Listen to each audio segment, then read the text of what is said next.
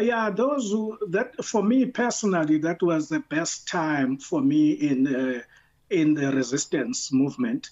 Uh, because during that period, I learned a lot. I learned about different religions, cultures, languages, classes, and races.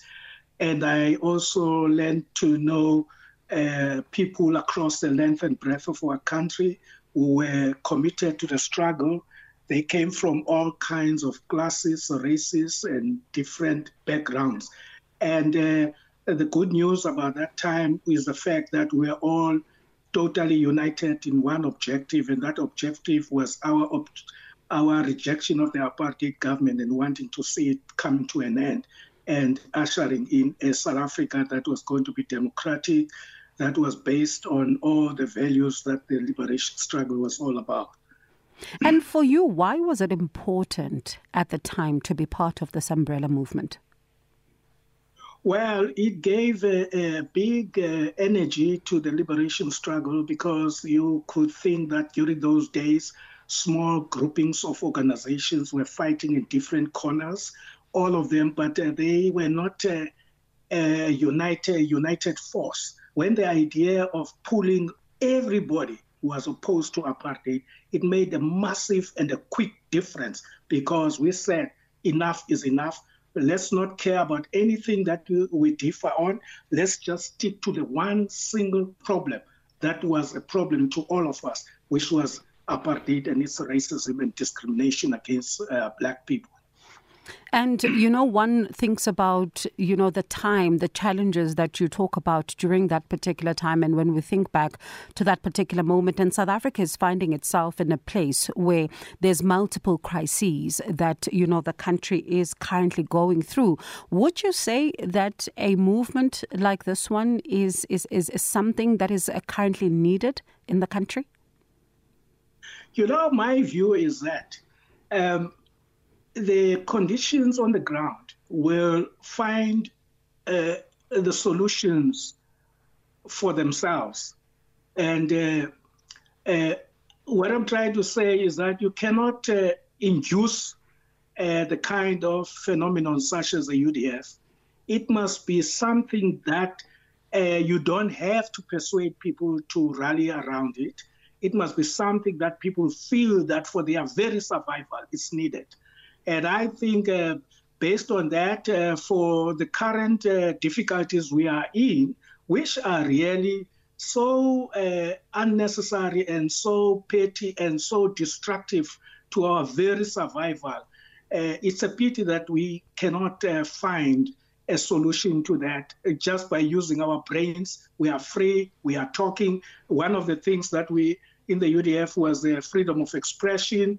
that was one of the main pillars of the issues that we were fighting for. So everyone today got that. I don't know whether now that we got that, maybe we need just maybe to get used to that. Very soon, we can strive to move towards one singular uh, survival uh, uh, mode because as it is now, we are wrecking the nation, we are wrecking ourselves, we are destroying. I can't believe that at this point in time, we could think that people you can't find people who are in leadership who, who are racist who make racist statements tribalistic and uh, some even going to protect uh, sometimes corruption theft and criminality things that were thing a no no during the liberation struggle so uh, i think yeah we need to find our way and we find ourselves soon And I hear you giggling there. is is it something though that you think can be done soon?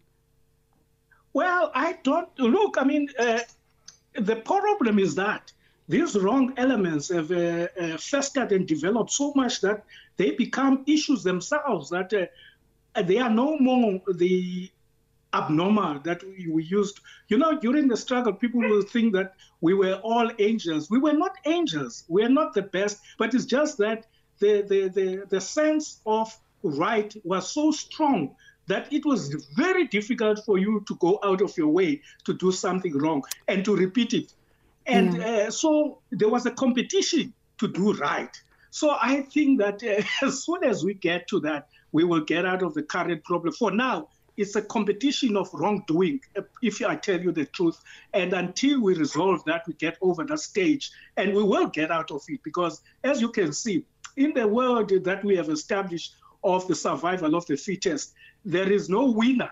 At the end of the day, very soon everybody is going to come to light that uh, uh, I'm, I'm not going to win. Let's go back to the basic values of and of the liberation struggle of building a South Africa that will benefit everybody, that will benefit everyone, not your party members, not your race, not your, your regional people, which are things that during the liberation struggle we fought so hard and we destroyed them. That is why I'm saying to you, during the struggle, I didn't know actually mm. half of the people. I mean, you talk of Archie Gumede, Christmas Tinto, Oscar Mpeta, Omamuzi Shangu and, and and so many other people across the country. I didn't even know what what tribes they were.